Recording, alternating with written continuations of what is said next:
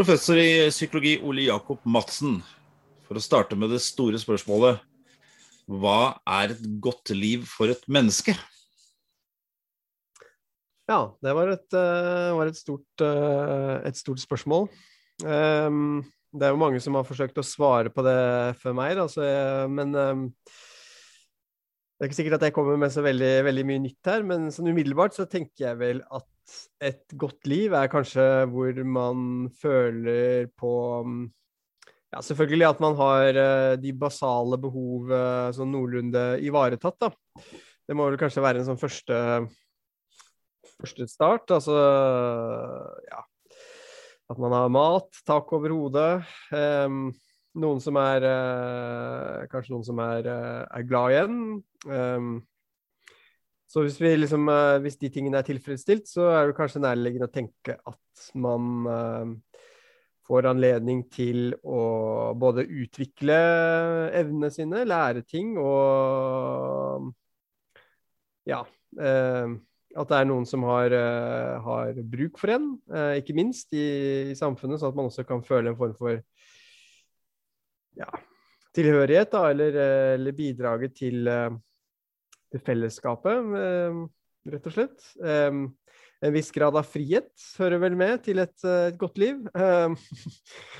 Det er det jo ulike svar på, da, men jeg er jo litt sånn samfunnspsykologisk orientert, da, som er glad i sånne ting som fellesskap og sånne ting. Men så klart, det kan jo også bli kvelende fellesskap i, i noen grad, og grad av liksom konformitet og sosial kontroll og sånne ting. Men en viss balanse da, mellom, uh, mellom, trygghet og, og, frihet, hvis det går an å si det, si det sånn, tenker jeg. Um, ja, og så er det jo fint hvis man, uh, man kanskje ikke liksom opplever lykke hele tiden, så kanskje liksom viss grad av, av, mening, kanskje, eller en sånn opplevelse av ja, en viss grad av, av, av sammenheng, eller at uh, man kanskje opplever at man er nysgjerrige på ting, uansett om det er noe si, håndverksmessig eller kunstnerisk eller intellektuelt, eller hva det måtte være. Ja. Jo, uh, ja uh, jeg stilte deg det ekstremt store spørsmålet. Vi kunne begynne å rulle opp fra antikkens greske filosofi og så oppover, selvfølgelig. og skal, Det er mange momenter her, men vi må jo presentere deg litt nærmere. Du er jo kjent av mange, men du er også professor uh, i eh, psykologi. Men, men, hvis du selv skulle presentere deg litt, du har slått av noen toner, altså rent sånn faglige interesser eh, og sånt, og hva vil du legge vekt på da? Ja, eh, Nei, det stemmer som du sier. Jeg, I bakgrunnen min er at jeg er utdanna psykolog og også filosof. Da, eller jeg har det gamle filosofi i hovedfaget. og eh, Doktorgraden min da, fra Universitetet i Bergen var på det man kaller for litt sånn terapeutisk, den terapeutiske kultur, eller kulturer. Eh, på norsk så sier vi noen ganger terapisamfunnet, eller liksom psykologiseringen av samfunnet. Da. Det er også det er både en slags samtidsdiagnose, men også et sånn type forskningsfelt da, som ser på skal si, de videre implikasjonene av, av psykologiens eh, nærvær i kanskje særlig vestlige, vestlige kulturer. Da. Um, og også kanskje psykologi på, på godt, godt, og vondt, da. Um, ja. Så ehm, innimellom så har jeg vel også skrevet noen sånne bøker hvor jeg forsøker kanskje å knytte litt an til dette forskningsfeltet. Da. Vise også hvordan det kanskje har noen sånne direkte si, implikasjoner da, for det samfunnet vi, vi lever i, og en del av de uh, offentlige debattene da, vi også vi har i, i, Norge. Så de to siste bøkene mine, da, bare som eksempel, var 'Generasjon prestasjon', hva er det som feiler oss? Hvor jeg um, forsøker å si noe om den her stadige bekymringen da, på om unge i dag er sykere enn før eller ikke, og hvordan vi liksom best skal, skal møte det. Mens den siste boken som kom i fjor høst, den het 'Livsmestring på timeplanen', hvor jeg retter et sånn relativt kritisk blikk på om livsmestringen i skolen da, som en del av Kunnskapsløftet er på en måte den rette samfunnsmedisinen eller svar da, på de uh, hovedutfordringer som barn og unge har, har, i dag, eller om den også risikerer å skape nye, nye, problemer. For Det er jo interessant der jeg hang meg jo egentlig det jeg hang meg uh, først opp i, er vel det siste som jeg så, for det er jo i veldig berøring med med filosofien som jeg kommer fra, og, og du kommer fra. Um, for på en måte kan man jo si at, at uh, hva er skillet mellom livsmestring og det å leve, eller livsmestring og livet? Og skal det gjøres til noe særskilt man, uh, man uh, driver med liksom i siden av Jeg driver litt med matte og litt med norsk, og så kjører vi litt livsmestring på siden der. Og så er det jo sånn at ethvert fag bærer jo med seg en slags sånn virkelighets... Ikke bare en virkelighetsforståelse, men en virkelighetsramme eh, for hva som er virkelig. Eh, og du kan få veldig forskjellige beskrivelser av både virkeligheten og hva et godt liv er. Alt med sånn Litt avhengig av hvem du spør deg om, og litt avhengig av det, det faget de har med seg ofte. Mm. Og, og, og, psykologifaget har jo vært veldig i vinden, og, og, vi tenker at uh, det er fint med psykologien inn over uh, mange områder, og at den har et stort behov osv. Og, og da har jeg hele tiden vært nysgjerrig også. Hva gjør den med vår forståelse av hva det vil si å, å være menneske? Um, og, og, det er jo ting du har tatt opp som jeg er veldig nysgjerrig på, og uh, håper å si uh, satte litt i en sånn sammenheng, en sånn filosof, filosofisk sammenheng også. ikke sant? Og så har det skjedd noen vendinger der. Og Hvis vi tar utgangspunkt i dette med livsmestringsbegrepet, hvordan er det du uh, Hvordan forstår du det, på en måte? Ja, nei, jeg forstår det nok eh, som det de, at det delvis da er, eh, er henta fra, fra, psykologien, og kanskje særlig liksom helsepsykologien og en del av sånn stressforskningen, da, som også har liksom ben inn i, medisinen. Så i eh,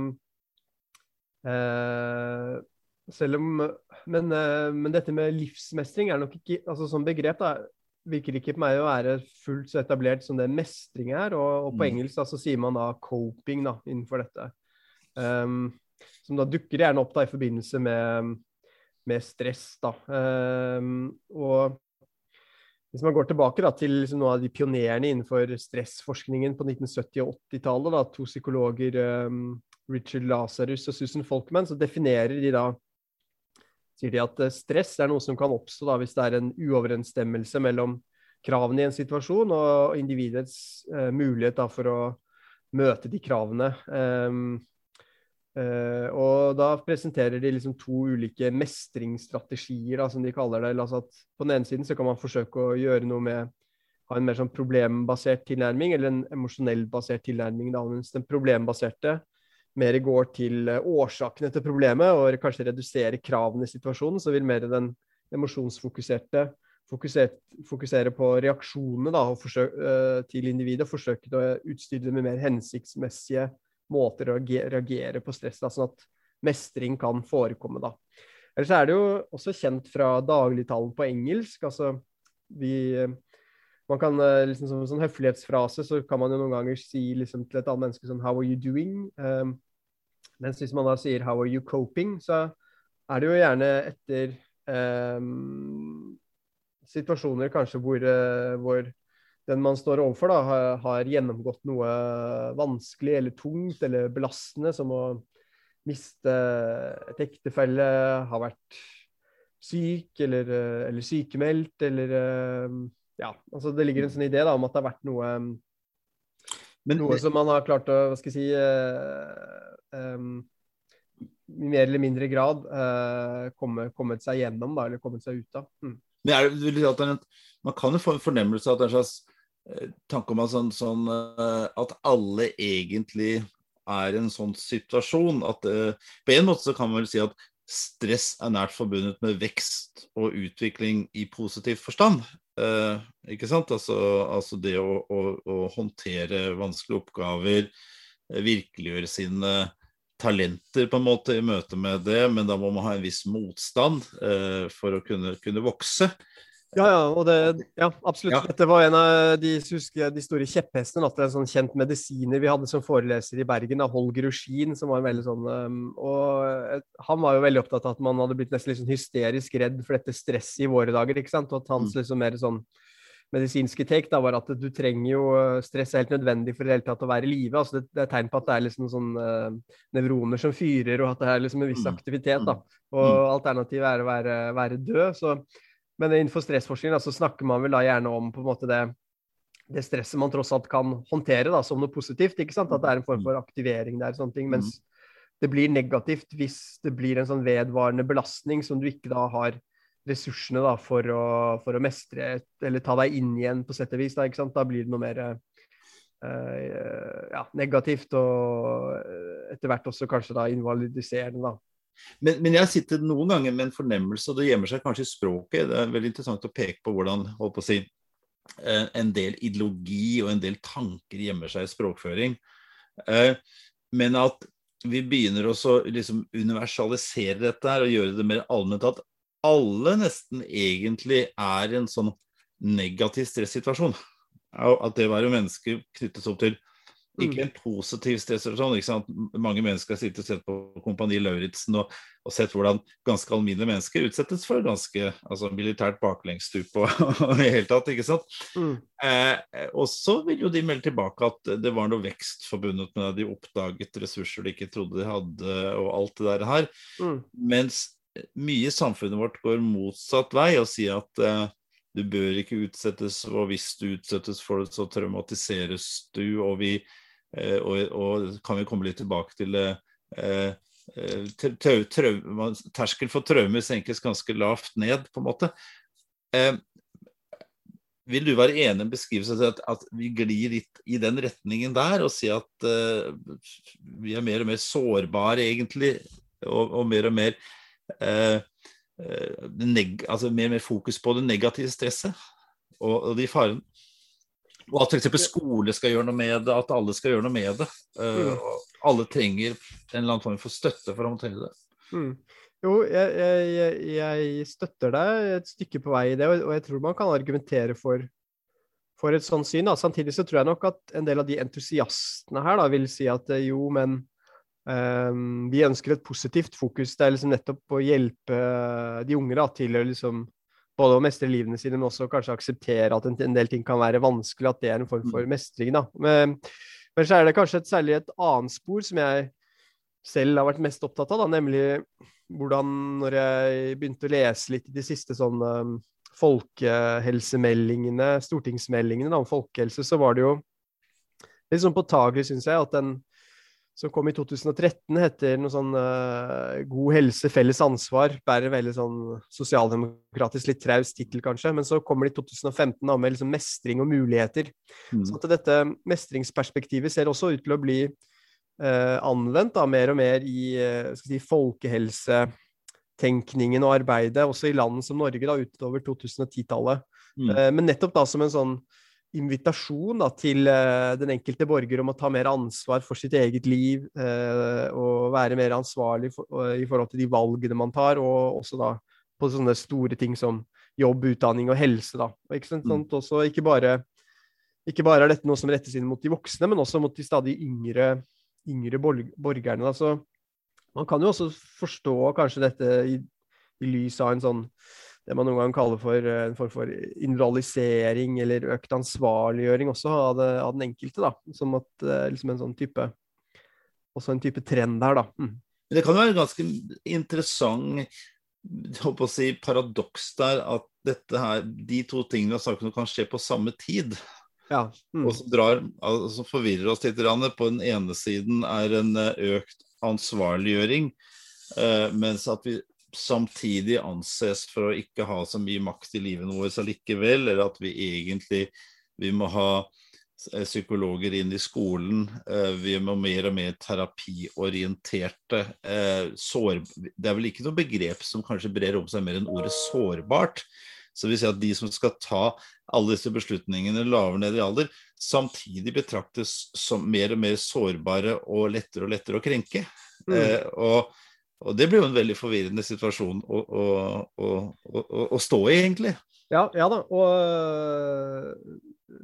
men, men, det er vel bare uttrykk for, ikke sant, som mange samfunnsfenomener, da, at det, noen ganger så har vi jo lett for å tenke på at liksom det må være en sånn årsak bak, eller at de årsakene er ensidig utøvende, mens i realiteten så er det vel ofte sånn at det, det hele tiden Samfunnet også er på en måte hele tiden en sånn derre sammenblanding av ulike skal jeg si, tendenser og tankestrømmer, ideer som på en måte kanskje kan ikke nødvendigvis drar i samme retning, da, men som kan være motsetningsfulle, men som på en måte på ulike tider mm. eller ulike samfunnssfærer da, liksom kommer mer til, til uttrykk. Da. Men uh, det finnes jo også en sånn uh, type kritikk da, som jeg skriver litt om i den livsmestringsboka, av hele sånne, den der tradisjonen med å tenke på ikke bare syke individer, men syke populasjoner. Da. Altså, mm. eh, og hele den der forebyggingskongstanken. At det også mm. ligger en fare for en sånn økt sykeliggjøring av, av befolkningen der, når du tar på en måte hele mm. befolkningen mm. eh, med i, um, i, beregningen da, for, for uh, folkehelsepolitikken. Selv om det på en måte er de beste, man har de beste intensjoner, da, så er det nok også en reell fare for det. da. Og så er det jo litt av dette tidlig inn-paradigmet som ligger der også. Altså jo, jo, tidligere man kommer på, jo, liksom, jo, jo, bedre kan man gjøre det. Det ligger jo veldig i skolen også. Eh, men samtidig så kan man jo si at det vi vet fra alt fra massescreeninger i medisin og alt sånt, så vet vi at det er en listepassing til feildiagnostisering og feilbehandling og sånt. Og det å gå, gå veldig tidlig inn. altså hvis du, hvis du tester hele befolkningen for kreft, så får du store utslag, ikke sant. Mm.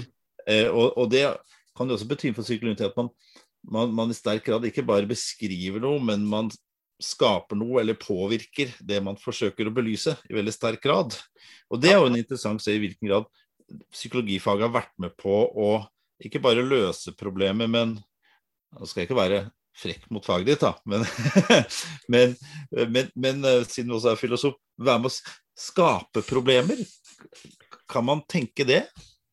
Ja, um, jeg, eh, jeg, tenker jo det noen ganger, da, selv om det er som du sier at det er jo kanskje et liksom kontroversielt tema, og det kan jo fort høres kanskje veldig sånn konspiratorisk ut. ikke sant, at de liksom mm, mm. bare er, Men øh, jeg tror jo at det er noen sånne effekter ute og går, da, selv om det kanskje ikke øh, skal si, alltid er, er intendert eller utslag av noen sånne uh, skal si, bevisste eh, handlinger. Da. Men, men, i boken så skriver jeg jo helt åpent om, og det, det er jo kjent at f.eks. Norsk psykologforening har jo vært en aktiv pådriver for å få uh, psykisk helse og livsmestring inn i, i skolen. og mm. Hvis de kunne bestemme, så skulle det nok vært veldig mye mer av det. Det skulle vært et eget fag, ikke sant? Og, mm. og mye mer enn det, det, man har fått nå, da, siden livsmestring tross alt skal være sånn tverrgående tema som man skal trekke veksler på i de etablerte mm. fagene. Så de er jo også på en måte aktører. Og så hører det vel også til i sånn generell profesjonstenkning da, å si at alle profesjoner også har noe imperialistisk ved seg. ikke sant? Altså ja. Hvis, du, hvis, bare politiet hadde fått bestemme, så hadde det vært mm.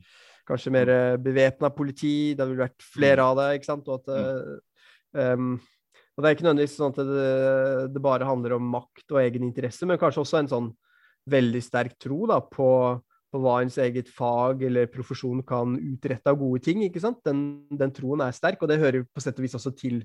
Ja, og det er jo... Måte, og det å huske på det jo ikke bety at noen går inn for det, eller noen er skumle baktanker, men det betyr rett og slett at man har en viss Det er en viss, det er en viss blindhet knyttet til, til, til ethvert fag, på en måte. og ja.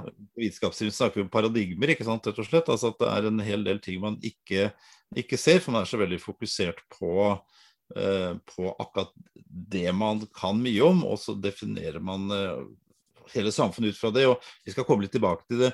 Men eh, det har vi kanskje erfart det siste året, at når det blir bare én ting som blir viktig, så er det veldig mye annet som ikke blir synlig. Og, og liksom, hva med det?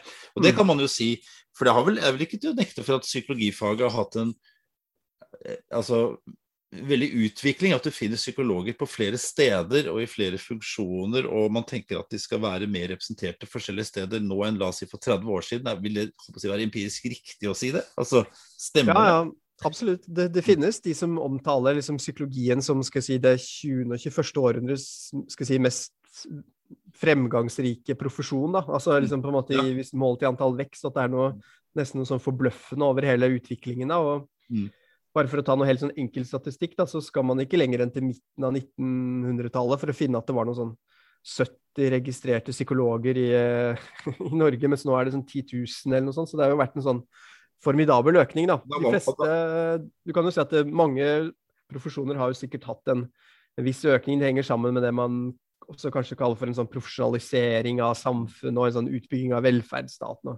Det blir flere folk i det hele tatt, da, men men du har nok helt rett, og, og vi har nok også vent oss til at psykologer nærmest kan sånn bekle ethvert tema da, uten at noen reagerer egentlig på noe som helst måte. Da. Altså, for å ta noen veldig sånn kjappe eksempler. Da. Altså, jeg vet ikke om du ser så mye på TV akkurat, da, men f.eks. TV3 har jo hatt et sånt eh, langtgående reality-program som kalles for Luksusfellen. Så, og de ja, første hørt om det, der så var det altså det er typisk sånn folk som har havna i, um, i uføre da, med store forbrukslån og kredittkortgjeld og sånne ting. Da, så får de, får de, hjelp av to eksperter. Da. Og i starten så var det to, to økonomer, da. Mens mm.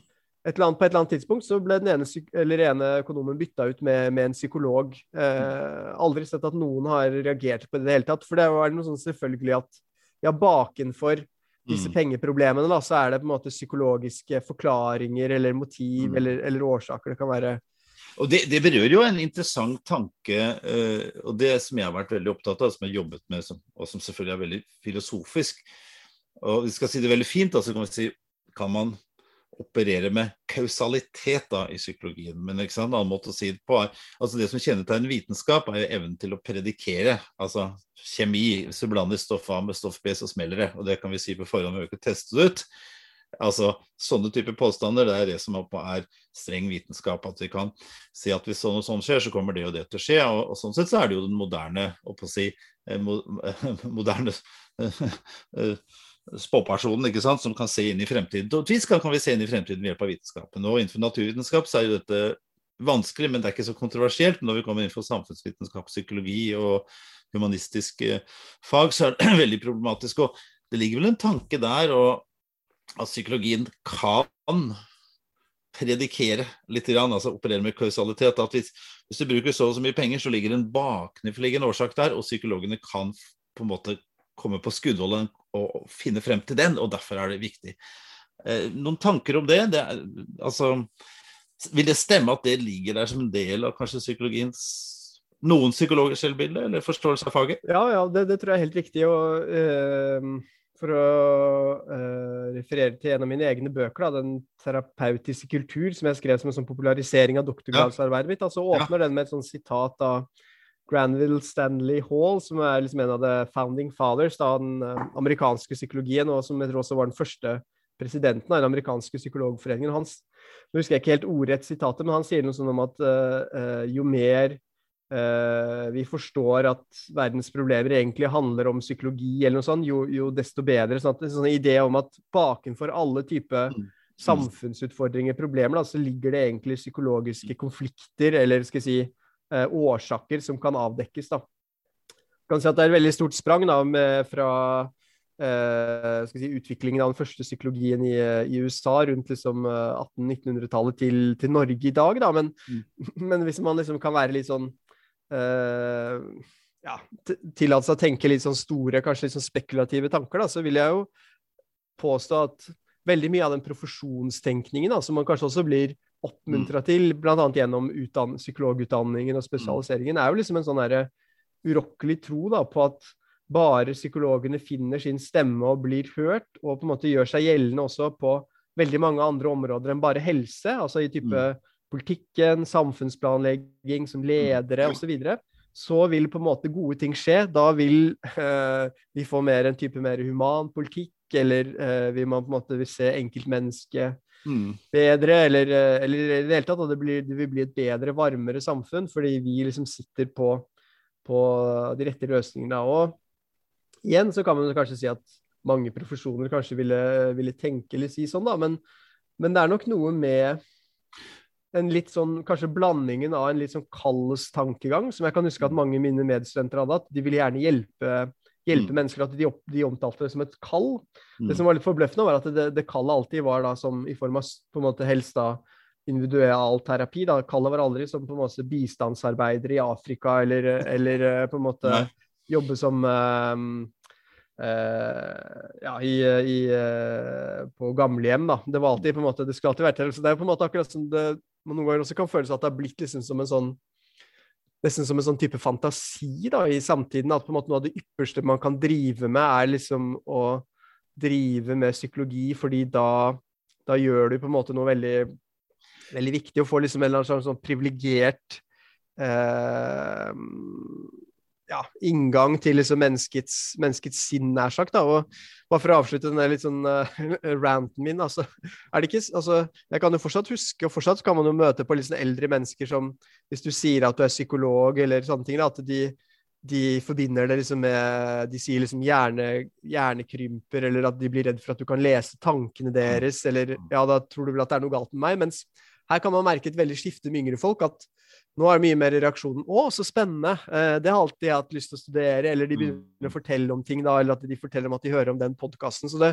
det, har jo kanskje også gått fra noe som har virka kanskje litt sånn avskrekkende, som man hadde et sånn unyansert forhold, til å på en måte bli noe som man noe veldig forkjært, da. Som mange, mange er veldig, veldig glad i og syns er veldig, veldig spennende.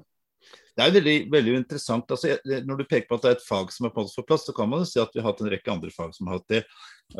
Juss f.eks. i en viss periode i veldig sterk grad. ikke sant, Embetsmannsstaten, alt dette her. Økonomene i særdeleshet eh, i en lang lang periode, og fortsatt noe. Men det er jo veldig spennende å se at økonomer, iallfall noen av de byttes ut med psykologer. Det er jo tankevekkende, selvfølgelig. Det interessante spørsmålet er jo selvfølgelig om, om det psykologer eh, jobber med og driver med, om det er om det er beskrivelser uh, uh, av faktiske forhold en eller annen forstand, eller, om, eller om det er, om det er si, narrativer, på en måte fortellinger, mulige fortellinger, som er like mulige som en del andre fortellinger. Litt tilbake enn det jeg spurte om dette med å være, å være, være vitenskap, så tenker vi innenfor vitenskapsteori at du skal være i stand til å lage det vi kaller falsifiserbare hypoteser. Altså skal det være mulig å, å og holdt på å si, komme opp med data som, som, som, sier at den ikke stemmer, på en måte, at det, at det via observasjoner. Mm. Det er jo selvfølgelig veldig problematisk i psykologien. Og, og det har jeg jo utfordret hele tiden, denne tanken på at det er mulig for oss å Jeg skal komme tilbake til et ord du nevnte innledningsvis som en viktig del av det å være menneske. Det man vel aldri kan være sikker på når det gjelder mennesker, når man skal forsøke å avdekke om, om det ene er årsak til det andre, om det er sånn, om det er barndommen, det er jo denne wildcard som vi kaller frihet. som hele tiden kommer inn som Ja, men å si, hvorfor, hvorfor drikker Jeppe, på en måte? Eh, kanskje fordi han vil det. Altså, Kanskje fordi det gir mening i livet hans. Altså, kanskje fordi han har en slem kone, kanskje fordi han opplever tung meningsløshet. Altså, og, og, går det an å si noe meningsfylt om, om at det er nettopp det og ikke det? Den problemstillingen vil jo berøre hvorvidt hvis vi skal kanskje fornærme noen psykologer, kan si om det, er, om det er vitenskap i det hele tatt? Ja, nei, i en sånn veldig I en sånn veldig, skal vi si streng forstand, da, altså i, så ville nok kanskje Ja, hvis vi hadde hatt Carl Popper her eller noen sånne ting, så ville han nok sagt at kanskje veldig mye av, av Han sa det vel òg? At vitenskapen var Ja, han sa det jo også om ja. uh, både Adler og Freud, ikke sant? At, men ja. også at dagens da var pseudovitenskapelig og, og kanskje driver med vel så mye myter, da, eller narrativer, som du kaller det, enn uh, en på en måte kausale årsaksforklaringer. da. Samtidig så vil man jo kanskje si at, tror jeg, innenfor litt sånn psykologiens vitenskapsråd, at måte, den der debatten om psykologi er en vitenskap eller ikke, at jeg tror noen ser på det som litt sånn avleggs, at, det, at de mener at det er den. og noe av den sterke raskeste si, utviklingen da, på mer sånn psykologisk forskning og sånne ting, f.eks. på mitt eget institutt, Psykologisk institutt på Universitetet i Oslo, så har det vel Man må vel kunne si at det har vært måte den mer sånn delen, den nevrovitenskapelige delen da, av, av, psykologien som kanskje nærmer seg mer naturvitenskapene på noen mm. områder. Da, at de mm. forsøker ofte å lokalisere um, hvor forskjellige ting finnes da, i, hjerne, eller hvilke måte, strukturer som er involvert i ulike mentale prosesser, og sånn, så kan du igjen si at det er jo eh, Fortsatt så har man kanskje et stort problem da, i å skulle liksom forklare eh, funksjon med lokalisasjon og sånne mm. ting. Dette, dette, er på en måte også en stor vitenskapsteoretisk debatt, da, men, mm. men, i på en måte metodene deres da, så, så, er det nok en sånn at mye av den, måte, den moderne psykologiske forskningen ligger tettere kanskje på på si, mm. medisin, biologi eller genetikk. Da. Men, eh, men, igjen, hvis vi skal liksom historisere litt, da, så var det nok også veldig tidlig et viktig mål da, for uh, de psykologiske pionerene å et, nettopp å etterape da, uh, ta, uh, fysikken og, og kjemien. fordi det var på en måte der man så statusen lå. da. Ja, for de produserte, jo, de produserte resultater også i sterk grad, ikke sant? Altså... Ja, ja, og det, det, var jo på en måte en, det har jo vært en suksesshistorie langt på vei, men, mm. Det noen kritiske stemmer har vel begynt å si, da, eh, er vel at eh, jo, men dette er også da Det som kanskje da var hensiktsmessig i den tidlige fasen, da, har etter hvert også blitt det sånn mm. nærmest det man kaller for et lenestolsforbud, da, hvis man tenker på mm. at psykologien kan være alt fra laboratorieforskning, hvor du innhenter skal si, data, gjør eksperiment og empiri osv., til mm. lenestolspsykologi eller filosofi, til og med, da, hvor man da sitter og teoretiserer og, og ja, tenker om de videre implikasjonene. Så da er det faktisk psykologihistorikere som snakker om at det oppstår et lenestolstabu etter hvert. mm. Fordi eh, på en måte det, det, blir sett på som for, uh, for spekulativt osv. Og, så og man kanskje ønsker også i mindre og mindre grad å bli assosiert både med, med filosofien og, og mm. samfunnsvitenskapene. Og her kan man også se, se dette uttrykt også i sånn derre eh, f.eks. på de gamle universitetene, så har det vært en veldig sånn ambisjon de siste årene om eh, å flytte F.eks. der jeg jobber, da, eh, har det vært diskusjoner, da, reelle diskusjoner om Psykologisk institutt, som nå er det desidert største instituttet på samfunnsvitenskapelig fakultet, om det skal da søke om å få bli en del av medisinsk fakultet, f.eks. Um, det, det, som, ja.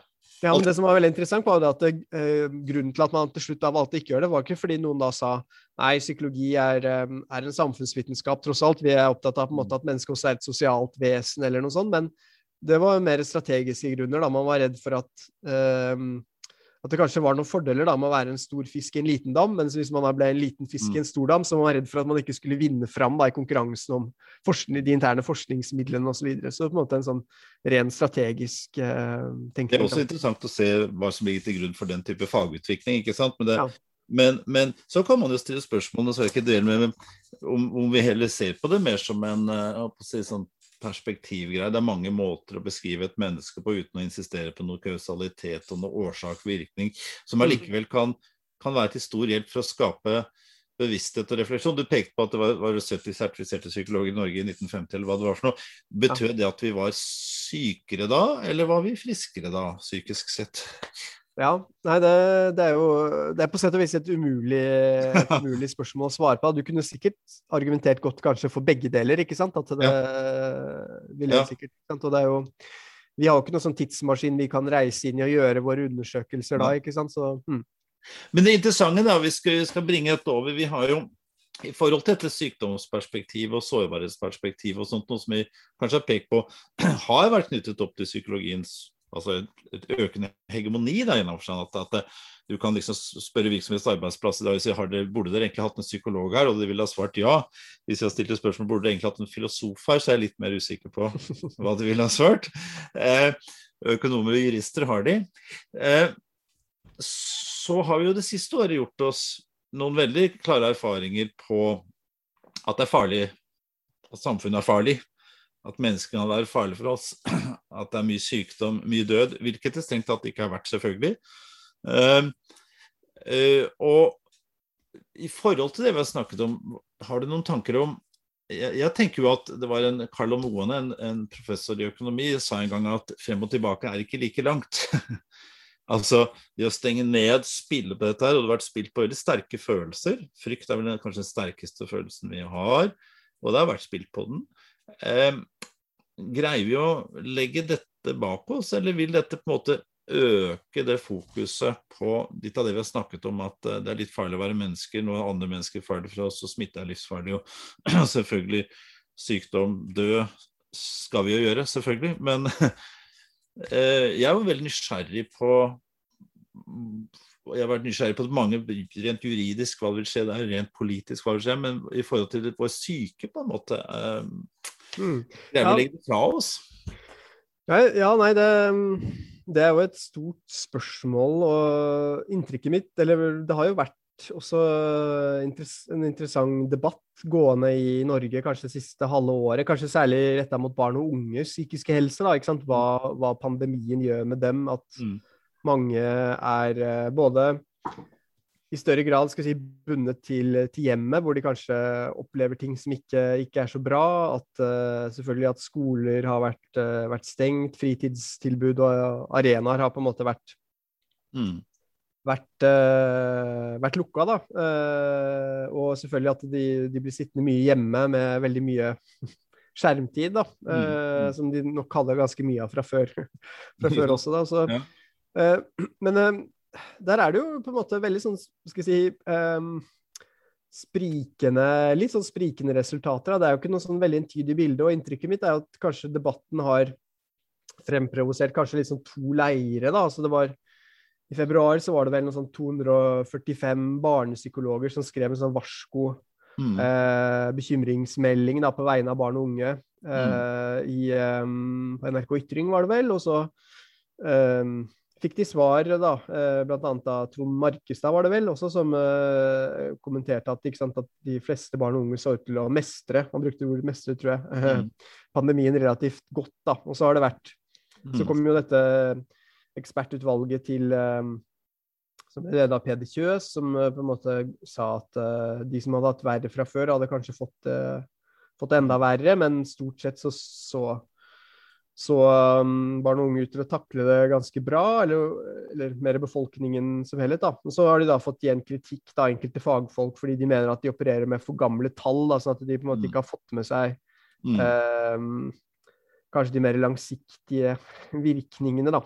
Så det er jo Ja. Uh, jeg vet ikke. Jeg, jeg kan noen ganger få liksom følelser, av, og jeg tror kanskje også jeg forventa det selv, at jeg trodde kanskje umiddelbart at dette var liksom et så stort sosialt eksperiment med så mye sosial isolasjon at uh, vi ville på en måte se kanskje en større utslag da, enn det vi foreløpig har sett i uh, skal vi si, type sånn på selvmordsstatistikken eller ja, i, uh, i psykiske lidelser og, og sånt. Nå er det kanskje litt for tidlig å si noe sånn entydig uh, hvordan det har vært ennå. Det finnes jo et interessant land sånn som Japan, som av en eller annen grunn, eller det er kanskje ikke så overraskende, er veldig sånn har veldig oppdatert selvmordsstatistikker, da, mm. eh, som viser det at eh, i den første halvdelen så, så um, var det ikke noe flere selvmord, faktisk litt færre enn det det vanligvis ville være, da, altså på, mm. på, på vårparten. Mm. Som kanskje kunne henge sammen med at um, ja, disse nedstengningene. Man visste jo ikke hvor lenge det ville vare. Og dette var jo noen sånn følelse at alle satt i samme, samme båt, så kanskje det til og med hadde noen sånne positive mm. virkninger. Da, at det skapte en liksom fellesskapsfølelse, liksom som en, en, krig måtte være, hvor man hadde en ytre, ytre fiende. da. Men så senere på høsten igjen så så man en ganske sterk økning da, jeg, utover i oktober, november, desember. Som kanskje kunne bli forklart med en sånn type tretthet, både en sånn tretthetseffekt og en sånn følelse at dette tok aldri slutt. Men også kanskje at en, eh, en, del virkningen av isolasjonen og tiltakene i seg selv da begynte å gjøre seg, begynte å gjøre ja. seg gjeldende. Så det er nok et veldig sånn sammensatt bilde, selv om vi kanskje ikke har sett helt det samme mm. her i, her i Norge ennå. da. Det interessante er også når vi da diskuterer, siden vi har diskutert ditt fag og psykologifaget, ikke bare fordi det er ditt, men det er jo et fag som, som, som setter spor etter seg, da, som andre fag gjør, og bestemte typer spor. altså dette her, Det vi har opplevd nå, kan vi også diskutere f.eks. rent juridisk. og Jeg diskuterte i denne her sammenhengen med professor Jus Hans Petter Graver f.eks. og si at skal vi måle dette her, vi kan bruke rettsstatsprinsipper. Vi kan jo vurdere det økonomisk, og det har vi jo også gjort. ikke sant, Hva regnestykket hva det går ut på. Og så er det samtidig eh, Jeg er opptatt av det politisk, hva gjør det med våre politikere og sånt noe.